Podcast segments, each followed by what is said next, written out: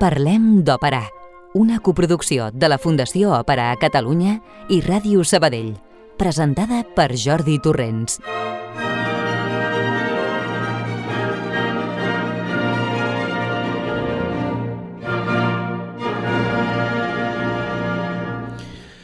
Benvolguts i benvolgudes, ben trobats i ben trobades. Un cop més amb tots vosaltres a Parlem d'Òpera Ràdio Sabadell, ja superada la fita dels 500, posem rum i velocitat de creuer dirigits cap a la següent, que seran els 600. Però per això encara falta molt de temps i molt parlar d'òpera, de manera que ho deixarem aparcat. Per ara dir-vos que estem just a mig desembre i el tancament de l'any és en tombar la cantonada. Suposo que eh, ja preparant aquestes festes nadalenques, oi? Tan consumistes, però al mateix temps intentant fer bona cara i superar una miqueta, i encara que sigui només per uns dies, aquesta època tan difícil que ens està tocant viure. Però pensem que d'altres encara ho tenen, però que molt pitjor. Roger Benet, el control de so, qui us parla Jordi Torrents, us donem una cordial benvinguda.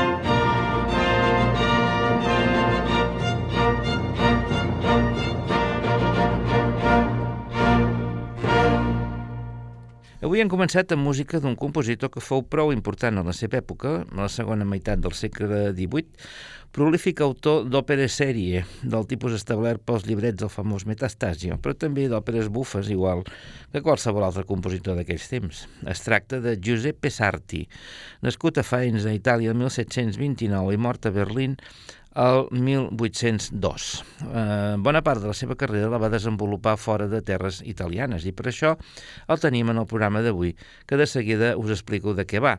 Per ara us diré que hem sentit la sinfonia de l'òpera Armida i Rinaldo amb l'orquestra Pro Arte Marche sota la direcció de Marco Berdondini. Aquesta òpera amb llibret de Marco Coltellini, basat en la Jerusalem alliberada de Torquato Tasso, pertany a la seva darrera època creativa i fou estrenat al, te al Teatre de l'Ermitage de Sant Petersburg el 26 de gener de 1786. Avui, estimats amics i amigues oients, us proposem un programa que anomenarem Italians a Rússia, oferint música d'un grupet de compositors italians que en un moment o altre de la seva carrera varen anar a treballar a Rússia, cridats pels governants d'aquest país.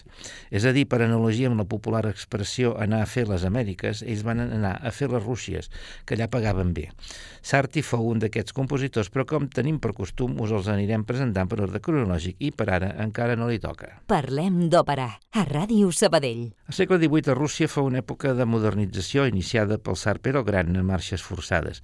Aquest va morir el 1725 i durant la resta de segle la característica principal és que Rússia fou governada per dones.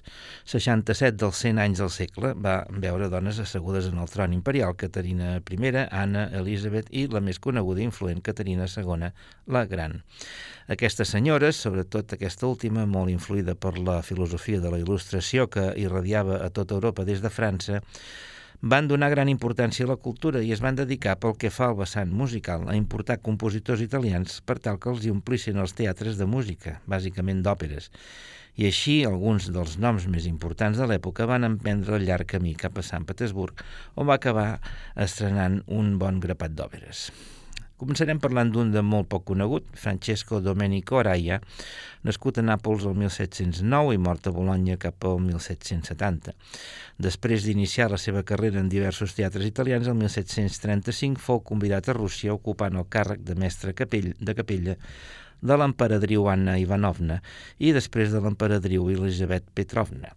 La seva òpera La forza dell'amore e dell'odio, estrenada a Milà el 1734, fou la primera italiana representada a Rússia el 1736, amb llibret traduït a l'idioma del país. El 7 de maig de 1744 es va estrenar a Moscou la seva òpera Seleuco, amb llibret de Giuseppe Bonecchi, traduït al rus per Alexander Sumarokov. D'aquesta òpera sentirem l'àrea de Demetrio amb obligato d'oboe, Pastor que anotte ombrosa, amb Cecilia Bartoli i Ivaro Kisti sota la direcció de Diego Fasolis. Mm.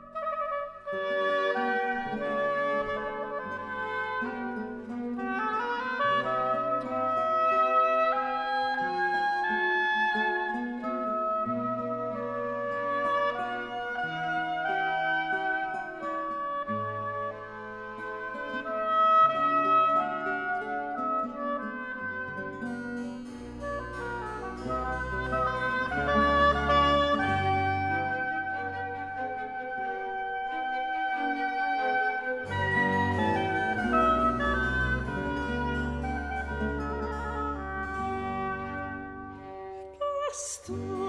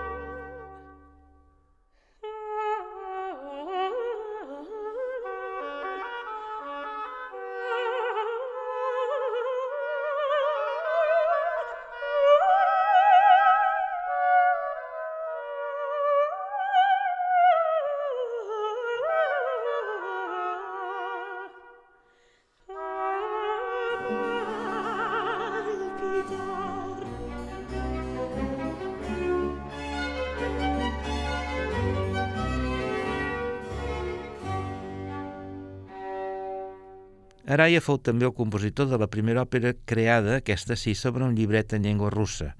Fins al moment ho feia sobre llibrets italians que eren traduïts a posteriori, com hem vist. Es tracta de Cèfal i Procris, estrenada amb llibret de Sumarokov el març de 1755 durant el regnat d'Elisabet.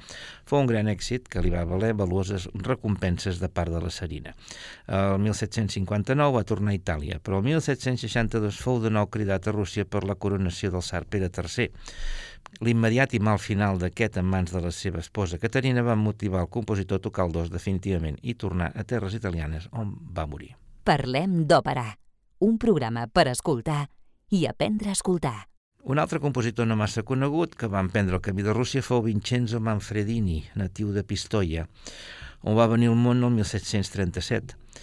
Cap al 1758 va acompanyar el seu germà Giuseppe a Moscou amb una trup d'òpera italiana. Després, a Sant Petersburg, va esdevenir mestre de capella del gran duc Pere, que el 1762 es convertiria en Pere III, tsar de regnat fugaç.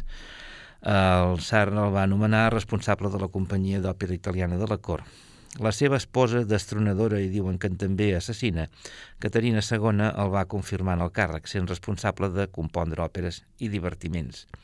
El 1765, però, amb l'arribada d'un nou compositor, Baldassare Galuppi, va quedar relegat a la composició de ballets i mestre de música de l'hereu de la corona. El 1769 va tornar amb una pensió a Itàlia, on va compondre algunes òperes i també va escriure tractats teòrics de música. Quan l'hereu de qui havia estat mestre es va convertir en el tsar Pau I el 1796, el va fer tornar a Rússia. Va arribar a Sant Petersburg el 1798 i va morir l'any següent. Una de les òperes que va compondre allà fou Carlo Magno, estrenada a la capital imperial el 24 de novembre de 1763. Ens en direm un fragment que és el cor A noi vivi dona Celsa, amb el cor de la ràdio-televisió suïssa, Cecilia Bartoli, Silvana Bazzoni i Ivaro Chisti, dirigits per Diego Fasalis. Música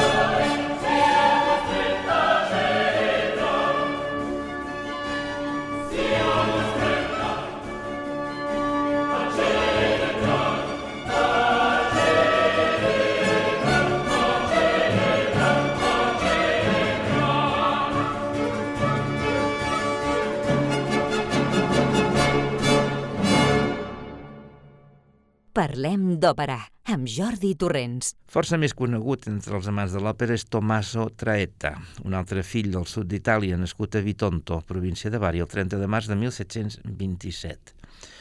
Deixeble de Pòrpora, comença la seva carrera a Nàpols i el 1758 se'n va a Parma, cort de gustos afrancesats, de mestre de capella. A Parma va descobrir la música de Ramó, que d'una manera o altra va influenciar. Mentre era director del Conservatori Venecià dit l'Ospedaletto, li fou ofert ser el compositor de la cor russa en substitució de Galupi i va acceptar, arribant allà el 1768. Va romandre a Rússia set anys i en sofrir eh, problemes de salut a causa del rigor del clima rus va demanar permís per marxar, que al final li fou concedit a contracor per la Serina, que apreciava molt la seva música. Es va instal·lar aleshores a Londres, però les coses no li van anar bé a la capital britànica i finalment va tornar a Itàlia esperant millor fortuna però la seva salut estava molt tocada i finalment va morir a Venècia el 6 d'abril de 1779, quan només tenia 52 anys. Traeta fou un dels més importants compositors de l'escola de Nàpols i estava dotat d'un alt sentit dramàtic que va saber transmetre les seves òperes, fent d'ell una mena de precursor de Gluck en aquest sentit. Una de les seves òperes més notables la va estrenar en el Teatre Imperial de Sant Petersburg l'11 de novembre de 1772 amb llibret de Marco Coltellini i fou Antígona, directament inspirada en la coneguda tragèdia homònima de Sòfocles. D'aquesta òpera us proposo l'àrea de l'acte primer a càrrec del personatge protagonista d'una mísera família, en la veu de Maria Bayo amb l'etalant líric dirigits per Christophe Rousset.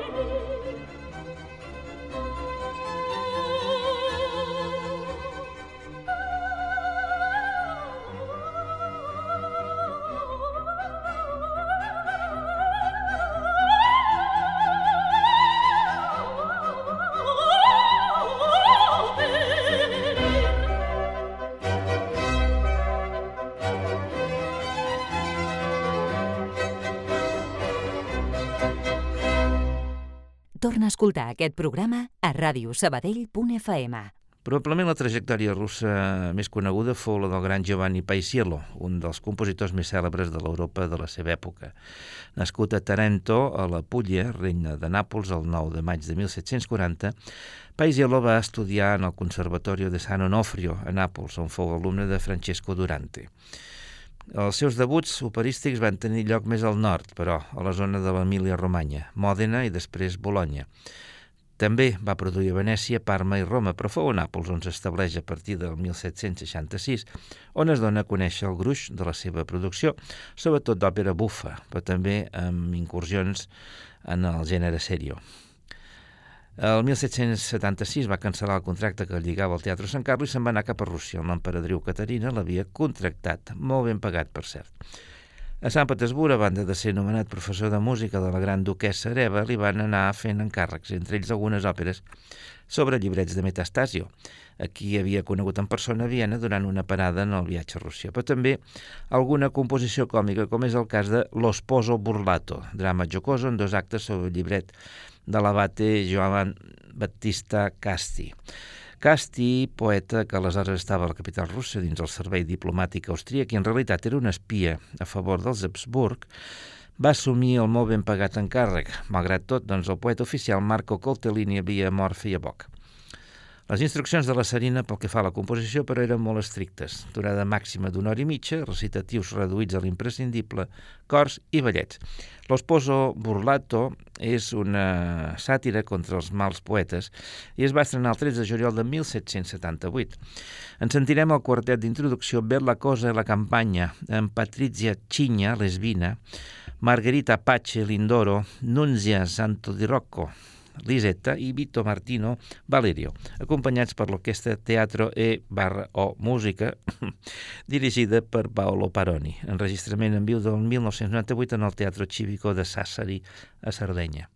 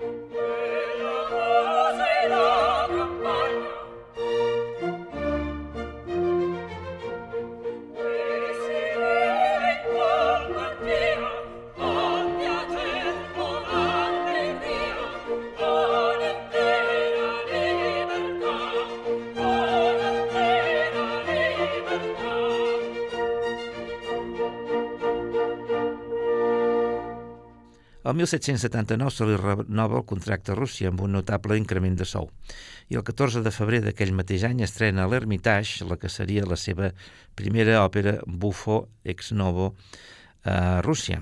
Uh, ho esmento perquè l'Osposo Burlato conté part de música reciclada del Sócrate Imaginario, que és una òpera estrenada a Nàpols abans de la seva partida. Aquesta nova òpera fou Gli astrologhi imaginari, també coneguda com i filòsof imaginari. Aquesta òpera va complaure molt Caterina tant que va voler que es tornés a fer una segona vegada i fou una de les obres més populars del seu autor i en ella es critiquen les manies pseudoculturals de la bona societat, on un pretendent que es fa passar per filòsof obté la mà de la seva estimada d'un pare que està obsessionat per passar per home culte. El llibret, en dos actes, és de Giovanni Bertati, que anys més tard seria l'autor de, la de la lletra de la famosa òpera Il matrimonio secreto de Cimarosa. Compositor, per cert, que també aniria a parar a Rússia, del que en parlarem d'aquí una estoneta.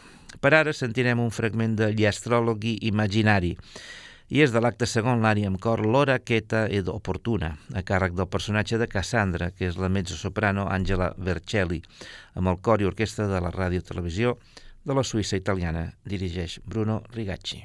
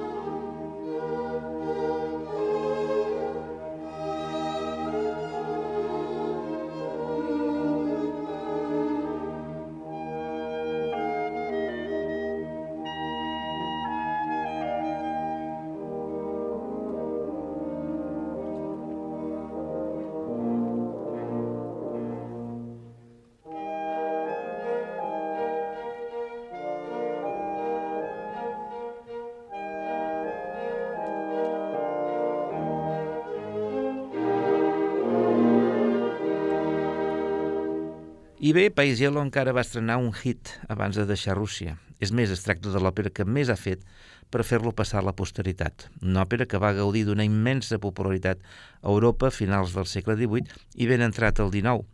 Estic parlant de la seva versió del Barber de Sevilla.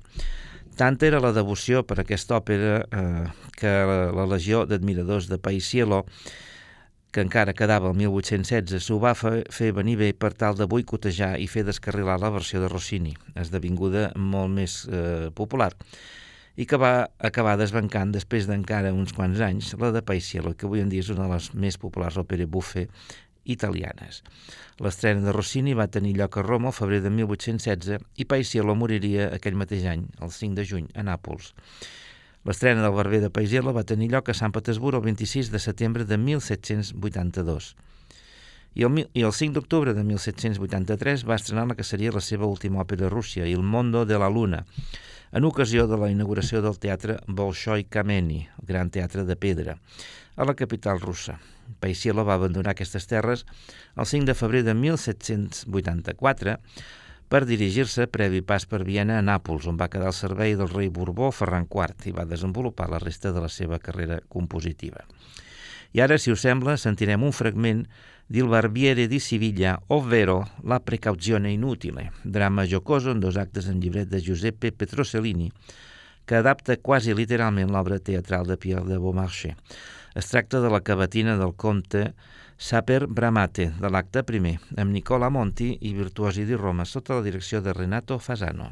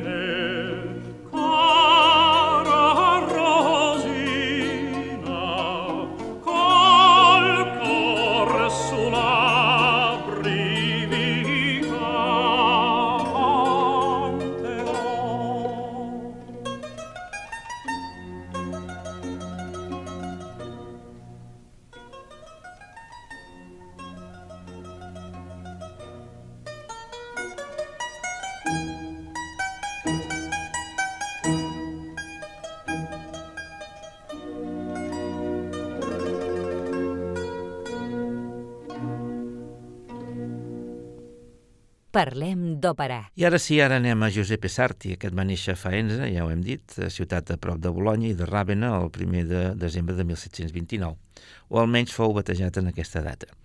Va estudiar a Bologna amb el pare Martini. De ben jove ja es va llaurar una reputació que va fer que el rei de Dinamarca, Frederic V, el cridés a Copenhagen com a mestre de capella i director de l'òpera el 1753. En el país nòrdic va estrenar un munt d'òperes, totes elles serioses i la majoria sobre textos de Metastasio. La mort del rei Frederic el 1766 el va fer abandonar Dinamarca si bé hi aniria estrenant nous títols durant uns quants anys més. El 1769 es va establir a Londres, on va donar classes per sobreviure, i el 1779 fou nomenat mestre de capella de la Catedral de Milà fins al 1784. El mateix any és convidat a la cort de Rússia per ser el successor de Paisiello. No el viatge d'anada es va aturar a Viena on coneixeria Mozart. En arribar a Sant Petersburg és nomenat director de l'òpera i compon diverses peces, també de música sacra. A Rússia hi romandria fins al 1801, quan amb la salut ja molt malmesa va demanar llicència per marxar, que el tsar, aleshores Alexandre I, el net de Caterina, li va concedir el 1802. Sarti va morir a Berlín el 28 de juliol de 1802 a casa de la seva filla en una parada en el seu viatge de retorn a Itàlia. A Rússia hi va estrenar un bon grapat d'òperes, entre les que destaca la que ja hem sentit en començar, Armida i Rinaldo. Com a dada curiosa, una de les òperes del període rus, els inicis del regne d'Oleg, del 1790 i en rus, el llibret el va escriure la pròpia Serina Caterina. I ara us convido a sentir de l'acte primer d'Armida i Rinaldo la cavatina de Rinaldo, l'Ungidate ben mio, amb la mezzo Gloria Banditelli i l'orquestra Pro Arte Marche dirigida per Marco Berdondini. Enregistrament en viu en el Teatro Masini de Faenza del 2002.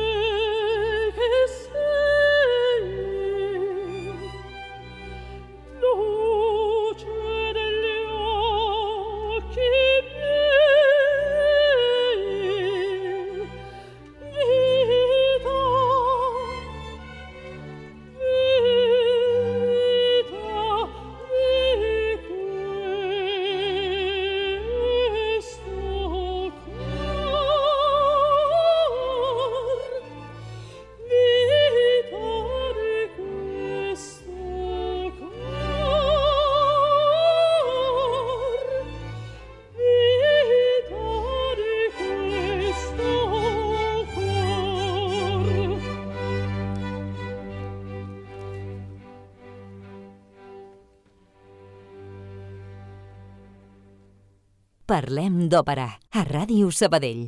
I acabem parlant de Domenico Cimarosa, un dels més famosos, però probablement el que menys èxit va tenir a Rússia, de manera que la seva estança fou curta. Eh, Cimarosa va néixer a la ciutat d'Aversa, en el regne de Nàpols, el 17 de desembre de 1749 i va morir a Venècia l'11 de gener de 1801. Compositor de gran èxit a Itàlia, el 1787 fou contractat a Rússia per l'emperadriu Caterina. No obstant, com dèiem, Cimarosa no va tenir molt d'èxit allà on només compondria una òpera sèria i revisaria un parell de còmiques anteriors. Al mateix temps que ell hi havia a Rússia el valencià Vicent Martini Soler, dit Martini l'Espanyolo, i sembla que la tsarina eh, preferia les composicions d'aquest que marxaria de Rússia però hi acabaria tornant, morint a Sant Petersburg el 1806. Per aquestes i altres raons, com les econòmiques, que obligaven a prescindir de cantants italians i la duresa del clima també, Cimarosa va acabar marxant i es va establir a Viena, on la seva música era apreciada i ella va estrenar la que fins i tot avui en dia és la seva òpera més famosa, que encara es representa, si bé poquet, i el Matrimonio Secreto, un èxit que fou internacional el 7 de febrer de 1792. El 1793 Cimarosa va tornar a Nàpols. Durant l'ocupació francesa es va unir al Partit Liberal, cosa que va fer que fos empresonat en ser restaurada la monarquia borbònica i es va lliurar ben justet de la pena de mort, gràcies a admiradors influents, però es va exiliar a Venècia on va acabar morint. La composició més notable de Cimarosa per la cort russa fou Cleopatra, estrenada a l'Ermitage el 27 de setembre de 1789. Quan li van encarregar aquesta òpera, Cimarosa li van demanar que no fos massa llarga i fos en base a una trama simple. El resultat fou una òpera que no dura en total més de 100 minuts i només de quatre personatges. Ja hem dit, en parlar de Paisiello, que l'amiga Caterina tenia unes exigències molt concretes pel que fa a les òperes estrenades entre els seus, mm, en els seus dominis. I sentim, doncs, de Cleopatra, acció teatral en dos actes amb llibret de Ferdinando Moretti, el quartet de l'acte segon, Sento in si dolce istante, amb Luisa Giannini, Cleopatra, Patrizia Morandini, Antonio, Luca Favaron, Domizio i Maria Pia Morillon, Arsinoe, amb l'orquestra Città di Adria, mmm, dirigits per Franco Piva, en viu des del Teatre Comunale d'Adria del 2004.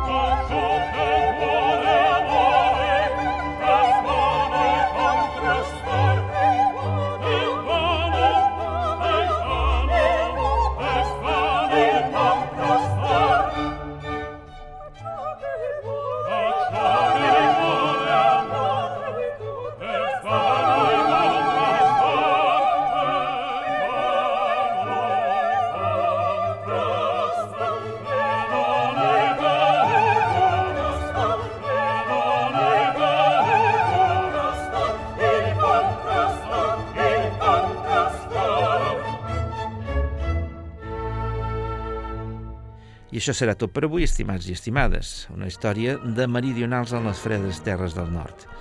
D'aquí a set dies tornarem a tenir un programa per a tots vosaltres. Us espero, eh? Adéu-siau i fins dijous que ve. Contacta amb nosaltres a òpera arroba radiosabadell.fm